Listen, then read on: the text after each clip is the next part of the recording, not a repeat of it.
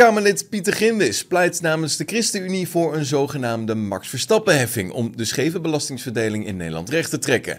En Jos Verstappen, zijn vader, die kan zich er niet in vinden, zo laat hij weten middels een reactie op X slash Twitter.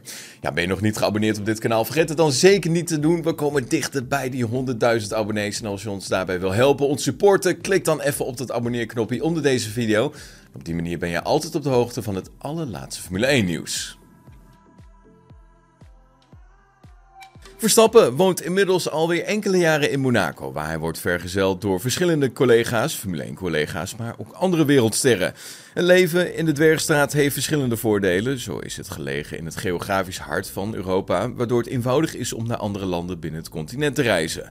En ja, dat is toch wel handig voor iemand met een bestaan zoals dat van Verstappen, waarbij hij 23 weken per jaar van circuit naar circuit reist. Ja, het wonen in Monaco heeft nog echter een ander groot voordeel, want je betaalt er namelijk geen inkomstenbelasting. En dat is natuurlijk gunstig voor bijvoorbeeld Verstappen, die miljoenen verdient.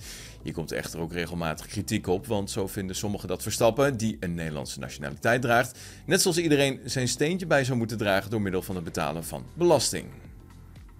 De ChristenUnie pleit daarom voor een Max Verstappen-heffing. Mensen die een hoog inkomen hebben, hebben als het ware dat geld stil liggen. Zo vertelt Kamerlid Pieter Ginwis bij NPO Radio 1.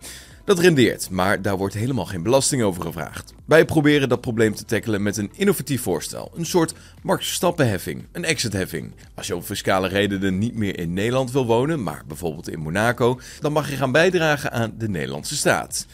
Ja, Jos Verstappen reageerde op het fragment op Twitter slash X met de tekst: Wat een mafketel is dit.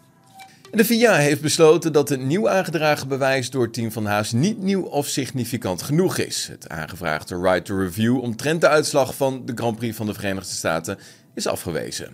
Ja, bijna twee weken na afloop van de Grand Prix van de Verenigde Staten kwam het nieuws naar buiten dat het team van Haas een protest had ingediend tegen de uitslag van de race. Hierbij was het vizier met name gericht op teams als Aston Martin, Rebel Racing en Williams, die volgens Haas te vaak de track limits hebben overschreden in Texas. Het team vroeg daarbij een right of review aan. Het zou mogelijk gaan om de overtreding van artikel 33.3 van de International Sporting Code.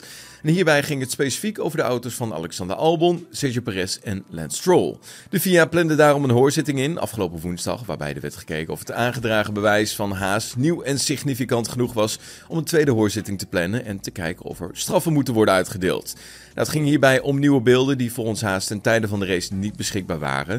De stewards kwamen op woensdag echter nog niet tot het besluit, waardoor deze werd uitgesteld tot donderdag 9 november om 3 uur in de middag. Het verzoek voor een right to review door Haas is afgewezen, zo blijkt uit gepubliceerde documenten van de FIA. De aangeleverde beelden van het team zijn door de stewards afgedaan als niet nieuw of significant genoeg. Goed, door naar de Grand Prix van Las Vegas, want ja, die komt steeds dichterbij. Al blijkt dat het evenement nog steeds niet is uitverkocht. En ja, dat heeft ertoe geleid dat de hotels in de Amerikaanse gokstad de prijzen nu drastisch hebben verlaagd. En dat zorgt dan weer voor ontevreden fans die al eerder een vermogen hebben uitgegeven om erbij te zijn. Uit onderzoek van Oversteer 48 blijkt dat de 22 grootste hotels aan het schommelen zijn met de prijzen. Het evenement is nog niet uitverkocht en daarom verlagen de desbetreffende hotels de prijzen. Van de 22 hotels zijn er 21 die extreme prijsverlagingen hebben doorgevoerd, vergeleken met vorig jaar toen bekend werd dat de Grand Prix naar Las Vegas kwam. De grootste uitschieter is het Circus Circus Hotel, dat de prijzen met 83% heeft verlaagd om de laatste kamers te vullen. De gemiddelde daling over de 22 hotels bedraagt meer dan 38%.